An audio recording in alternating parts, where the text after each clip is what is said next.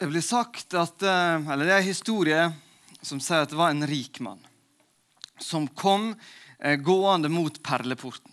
En veldig rik mann. Eh, og så Der møter han Sankt Peter. Og så ber han tungt denne mannen. Um, han hadde tjent mye penger, gjort det veldig godt og syntes det var veldig vanskelig å på en måte skulle legge fra seg det her. Um, så han kommer der fram til uh, St. Peter og så spør han det, kan ikke jeg få lov til å være så snill og få ta med meg noe av det jeg har fra livet mitt inn i himmelen. Kan ikke være så snill? Kan ikke du være litt ekstra grei med meg? Eh, og så spør Sankt Peter ja, hva, hva, er det du har med deg. da? Og så viser han fram eh, to gullbarer. Og så spør da Sankt Peter han, hvorfor i alle dager er det at du har med deg eh, brostein. Jeg vil samle skatter der møll og mark ikke ødelegger, har jeg satt som eh, tema for denne talen i dag. Eh, og jeg skal ha en liten innledning, og så skal jeg snakke mer med Per Sævik etter hvert, som dere fikk høre. Eh, jeg skal lese teksten til dere hvis vi får den opp på, på skjermen etter hvert. Det er fra Matteus 6, eh, 19-24. Vi kan bare lese den selv om han ikke kommer opp med.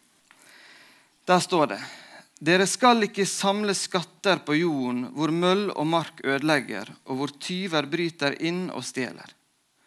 Men dere skal samle skatter i himmelen, der verken møll eller mark ødelegger, og tyver ikke bryter inn og stjeler. For der skatten din er, vil også hjertet ditt være. Øyet er kroppens lampe. Om øyet ditt er klart, er det fordi kroppen er fylt av lys. Men om øyet ditt er sykt, er det fordi kroppen er fylt av mørke. Er nå lyset i deg mørke, hvor dypt blir ikke da mørket? Ingen kan tjene to herrer. Han vil hate den ene og elske den andre, eller holde seg til den ene og forakte den andre. Dere kan ikke tjene både Gud og mammaen. Vi er altså her inne i, I Matteus 6 så er vi midt inne i bergpreken, denne viktige talen som Jesus holdt. Og Jesus legger ingenting imellom. Han er veldig tydelig på at dette her med penger det er noe vi må, må snakke om. Jeg hørte en annen pastor sa for et par dager siden jeg hørte en tale, så sa han at hadde jeg snakka like mye om penger som Bibelen snakker om penger, så har jeg ikke hatt noe kirke igjen. Fordi at Bibelen han snakker veldig mye om penger. Jesus i sine taler så snakker han veldig mye om penger. Fordi at penger er noe som lett kan bli for viktig for oss. Jesus vet at vi liker å samle skatter. Det er naturlig for oss mennesker. Men hva gjør vi med disse skattene? Hvor samler vi disse skattene? Samler vi dem til oss sjøl og til å ha dem sjøl, eller samler vi dem der eh, de vil alltid få være.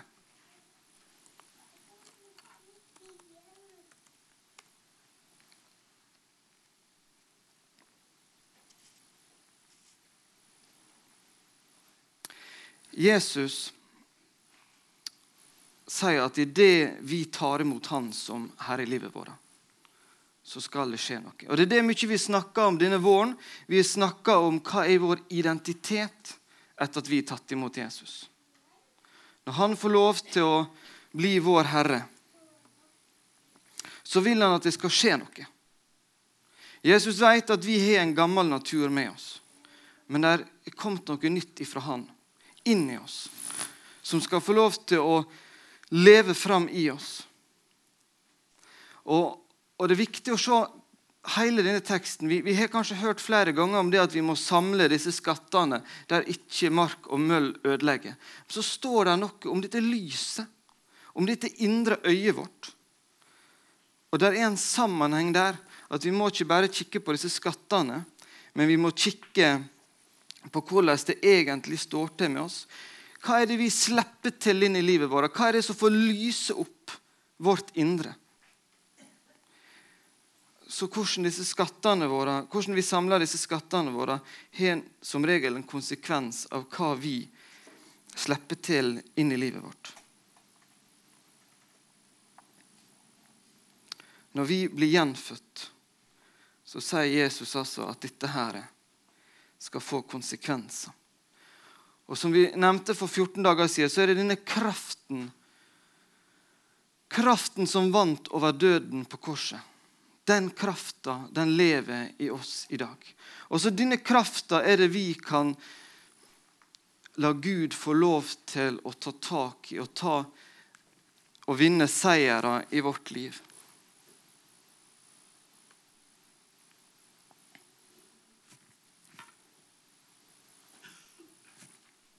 Jeg skal lese et bibelvers til for dere som vi var innom for et par måneder siden. Fra Romerne 7,22. Der står det mitt indre menneske sier med glede ja til Guds lov. Men jeg merker en annen lov i lemmene. Den kjemper mot loven i mitt sinn og tar meg til fange under syndens lov, som er i lemmene. Dette er noe av det vanskelige med å være en kristen. Det er en kamp i oss mellom det som har vært her hele tida, og det som er blitt nytt i det vi tok imot Jesus i våre liv. Og så blir litt spørsmålet til oss hvem skal få vinne disse kampene? Hva gjør vi med disse kampene? Ønsker vi å komme nærmere Jesus? Ønsker vi å la denne oppstandelseskrafta få lov til å vinne noen seire i vårt liv? Sånn at det kan bli mer lys? Sånn at dette øyet som teksten snakker om, kan få lov til å lyse klart og tydelig inn i livet vårt? Eller er det lemmene våre som skal få lov til å vinne? Da har jeg lyst Per, at du skal få lov til å komme opp. Eh, per Sævik er et stort forbilde for meg på mange områder. Og jeg hadde veldig lyst å invitere han hit når vi skulle snakke om dette temaet. Um, fordi at vi trenger litt praktisk hjelp. Så jeg har lyst til å takke deg, Per, for at du ville komme. Uh, du har vist uh, tydelighet på mange områder i livet som jeg setter pris på. Jeg har lyst til å begynne med å, med å si det at det, det, blir av og til sagt at penger er roten til alt vondt. Um, det er et sitat vi tar fra Paulus. Men det at det, vi sier ikke hele sitatet. For det står at det, for kjærligheten til penger er roten til alt vondt. Drevet av den er mange ført vill, bort fra troen, og har påført seg selv mange lidelser. Og Vi har også hørt at det skal eh, en sterkere rygg til å takle suksess enn nederlag. Du Per, har hatt suksess mange ganger. Du har tjent store penger. Du har fått plass i media både her og der. Men hva er det som gjør at du har klart å la penger få være penger, og at ikke kjærligheten At ikke du har fått så stor kjærlighet til disse pengene, og at den har fått overtaket? Nei, hvis du er rett i din anskuelse, så uh, vil jeg nok si at uh, Grunnen til det, det finner du eh, en vinterdag ute på Remøya i 1958, da jeg var en veldig ung mann og fikk et møte med den levende frelser. Et møte som eh, på mange vis har vært med og gitt meg perspektiv, gitt meg eh,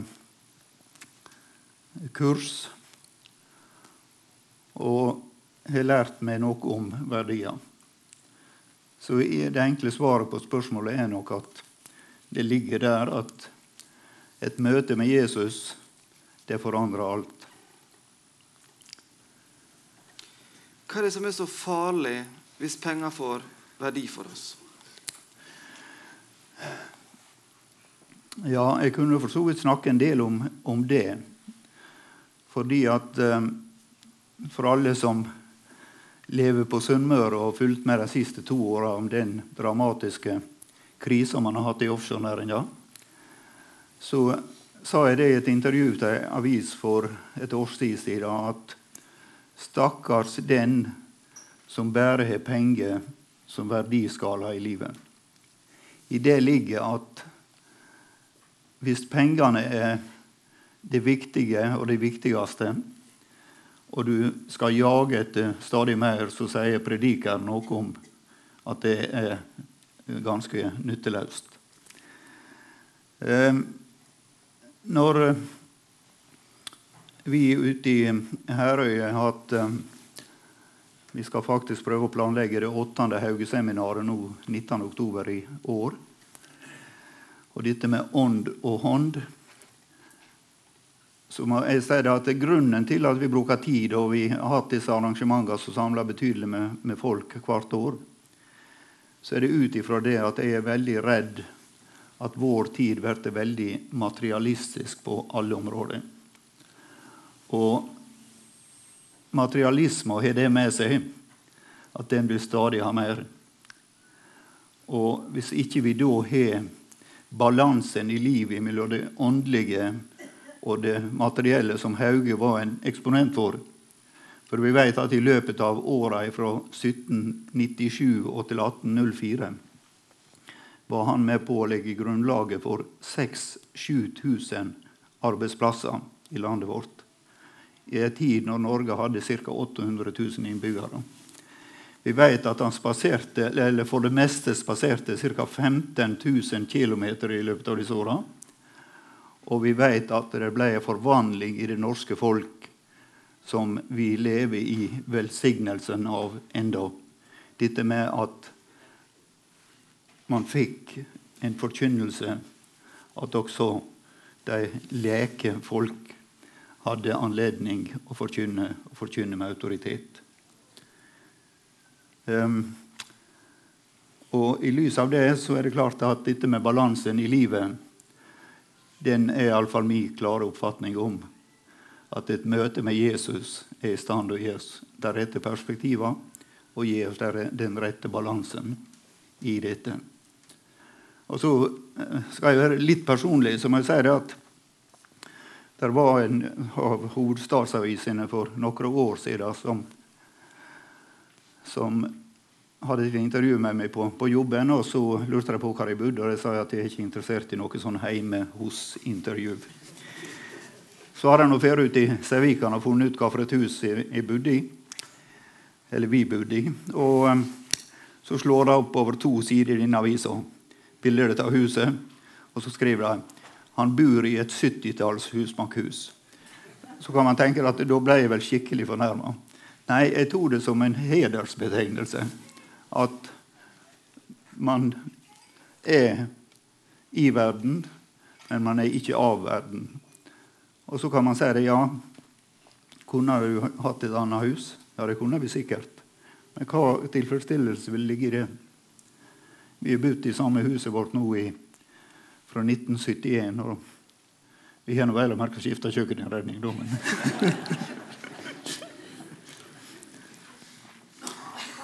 Da vi, da vi snakka sammen for et, eh, for et, par dager siden, så du, eh, kom du med et uttrykk der du sa de nære ting får ofte forkjøpsrett. Forkjørsrett. Hva, hva mener du med det?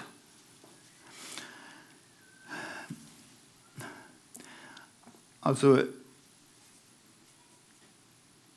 I det ligger at hvis de nære ting Og, og, og det er ikke, er ikke en eksponent for å si at alt av nære ting er feil.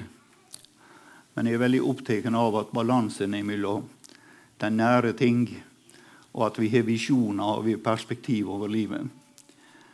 Jeg sier ikke at det er galt å ha hytte, jeg sier ikke at det er galt å ha båt. Jeg sier ikke at det eller det eller det er gale.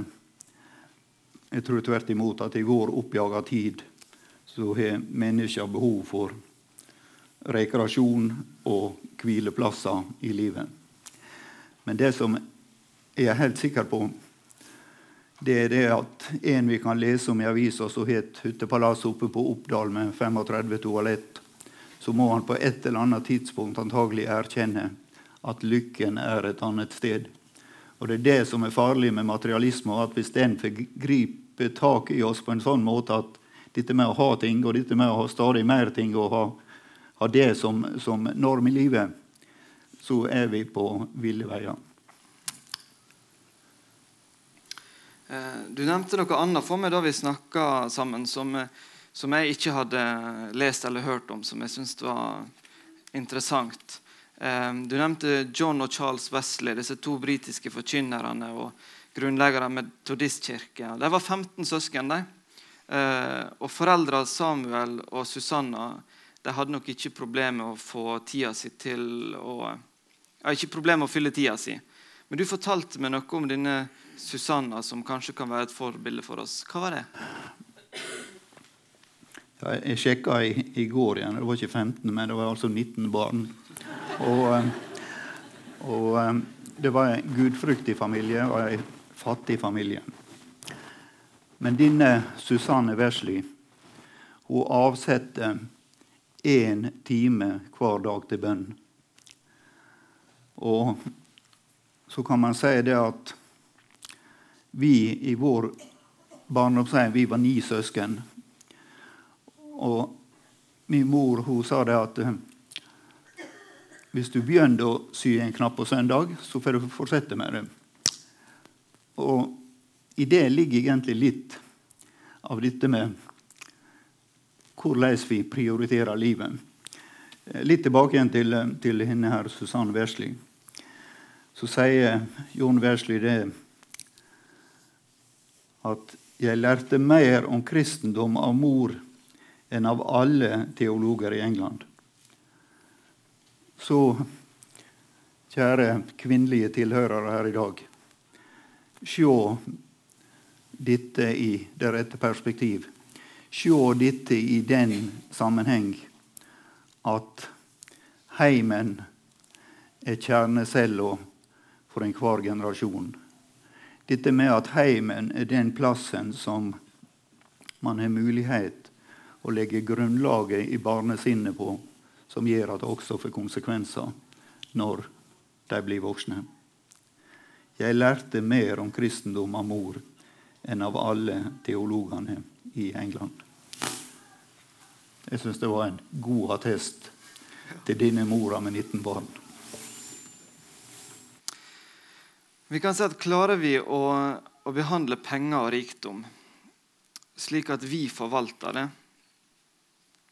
at vi får lov til å være forvaltere og bruke dette til det beste både for, for Gud og vår neste, så er det et gode. Men blir pengene herre i stedet for å være tjener, så oppstår problemet. Så Sett fra mitt ståsted så, så har du klart å være pengene sin sjef og ikke la det begynne å styre dem. Hva er de tolkning av verset fra 1. Tim 6,6 om ja, gudsfrykt, nøysomhet er en stor vinning? Jeg tror det er litt det som jeg var inne på innledningsvis, nemlig at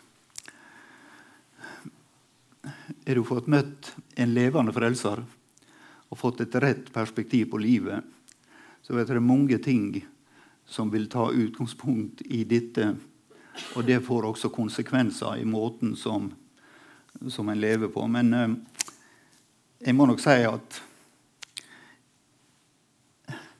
jeg har ikke veldig stor frimodighet til å snakke høyt om dette, fordi at eh, Jeg sa det til Andreas her for et par dager siden vi snakka litt, at jeg tror nok ikke, ikke tror nok. Jeg tror at jeg kommer til himmelen fordi at påskens budskap med en langfredags 'det er fullbrakt' og en påskedagsmorgen med en oppstandelse og ei tom grav, det er garantisten for at jeg kommer til himmelen. Men så sier jeg også det at jeg ser ikke vekk ifra at min Herre og Frelser tar meg til side, så vil ha en liten samtale med meg. Og den vil antagelig gå ut på det at du som har hørt så mye om meg, du som har lært så mye fra Bibelen, du som har fått sett hva denne frelsa betyr. Hvorfor har du i livet satsa så lite på utbredelse av evangeliet. Og det må jeg si at her er en av mine virkelig ømme tær. Nemlig at dette har fått så lite plass i mitt liv. Dette med at det er ikke spørsmål om vi har gitt noen kroner her eller der, eller, eller slik. Men altså i forhold til det vi hadde mulighet til å gjøre, så er dette i evighetens perspektiv altfor lite og altfor puslete i forhold til at jeg mener Og det er nesten slik at jeg står på og dør på det. At ei frelse av bare nåde har konsekvenser som egentlig er ei utfordring for meg, i alle fall i livet. At ikke dette har fått vesentlig større konsekvenser av praktisk ark.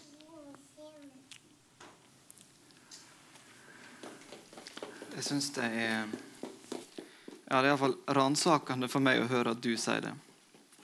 Eh, teksten er klar på at eh, det er viktig å slippe nok lys til, slik at øyet blir klart. Du nevnte langfredag og påskemorgen, men kan du si litt mer om hva som har gitt dette tydelige fundamentet, som har gitt nok lys til å holde ditt indre øye klart? Ja, Det tror jeg har med tiltro til Bibelen og Guds ord å gjøre. Og i går ettermiddag så las jeg faktisk noe som jeg ikke har sett før. Det er den, jeg vet ikke om det er folk som er så gamle at de husker navnet Winston Churchill, som var en av de store lederne og strategene i samband med andre verdenskrig. Men jeg skal ta et kort sitat ifra han. Vi tror at det mest vitenskapelige standpunkt og den mest fornuftige innstilling er at man tager Bibelens beretninger bokstavelig. Vi kan være sikre på at alle disse ting skjedde nettopp slik som det er skrevet. Vi hviler i den trygghet på Skriftens urokkelige klippe. Det er egentlig det som jeg kunne tenke meg skulle være min avslutning til forsamlinga på Myrabakken i denne formiddag. Dette med å hvile på Skriftens urokkelige klippe. Hvis man gjør det, så tror jeg man står rimelig trygt. Enten det stormer, Enten som i vårt tilfelle du taper et par milliarder på offshorevirksomhet, eller du er inne i en situasjon med dette fjorden som avisene skriver så mye om, som gjør at vi kanskje har gjort en, en, en litt fornuftig investering der, da. Men det er viktig for meg å si til dine forsamlinger at disse ytre forholdene er da en gang slik at de skifter fra en ytterpunktet til det andre. Men det er altså noe som er fast, og det er denne klippet vi finner i, ditte, i denne bok. Og det gjør vi vel i å stå trygt på. Jeg har ett siste spørsmål til deg. Vi tar det med. For eh, det er ikke så lenge siden jeg snakka med en som nettopp hadde blitt bestefar. Han skulle hjem og feire. Og så sa han til meg det at eh, det er én ting vi kan få med oss fra dette livet til himmelen. Og det er flere, flere mennesker. Og Det sto i denne teksten vår tydelig om det å samle skatter i himmelen. Hvordan henger misjonsbefalinga i Matteus sammen med forvaltning av penger? Igjen så er svaret på det at har vi fått et rett perspektiv på både kallsoppdraget og visjonene og framtida, så er det klart at det har i det perspektivet stor betydning at vi tar misjonsbefalinga, misjonsoppdraget, på alvor. Det gjelder våre næreste. Det gjelder de der ute som ennå ikke har hørt. Og Jeg hører et foredrag av han Thoresen, som er rektor på Misjonshøgskolen på Fjellhaug i august i fjor. Hva sier han? Jo, han sier det at det er lettere når han er med jentene sine på håndballtrening, å snakke med muslimene om tru, eller det å snakke med de sekulære norske nordmenn. Det var nevnt innledningsvis om, om disse man er i omgang med her. Vi har naturligvis lett for å tenke som slik at ja, de tror nå på en annen gud. De tror på noe annet enn det vi tror på. Men du, etter han Thorsen holdt dette foredraget, så må jeg si at jeg har tenkt veldig mye på det. At kanskje er denne misjonsmarka lettere å misjonere i enn det det er mellom det sekulære norske folk i dag. Fordi at de vet noe om tru, de vet noe om, om det å ha et forhold til, til tru. Så kan vi lese om de store vekkingene ute. Og så blir vi litt fortvila om at det kanskje skjer så lite i vårt land. Vi som lever i tredje generasjons velsignelse av de store vekkelsene. Men du, Gud er på tronen ennå, og han er i stand å gjøre de samme underverk mellom oss nå som før. Da vil jeg avslutte med å be. Kjære himmelske Far. Takk for um, det du ville gi oss i dag. Takk for din, dine råd angående det med penger. Du ser at vi lever i et land der vi har uh, sjelden mye materiell rikdom. Så ser du at gang på gang så gir du oss tydelige råd om hvordan vi skal opptre, slik at vi kan få lov til å være herre over disse pengene, og at ikke pengene skal bli vår herre. Så ber om at Din Hellige Ånd må jobbe med oss nå, må bruke det som Per Sævik har fått eh, delt med oss nå i dag. At dette må få lov til å ta tak i oss, at det må få lov til å gjøre noe med oss. At vi må få, få et så tydelig møte med deg at det får konsekvenser for et helt liv. At vi får tru på ditt ord og tør å stole på det i hele våre liv. Amen. Tusen takk for at du kom, Per. Takk for alt du vil gi oss.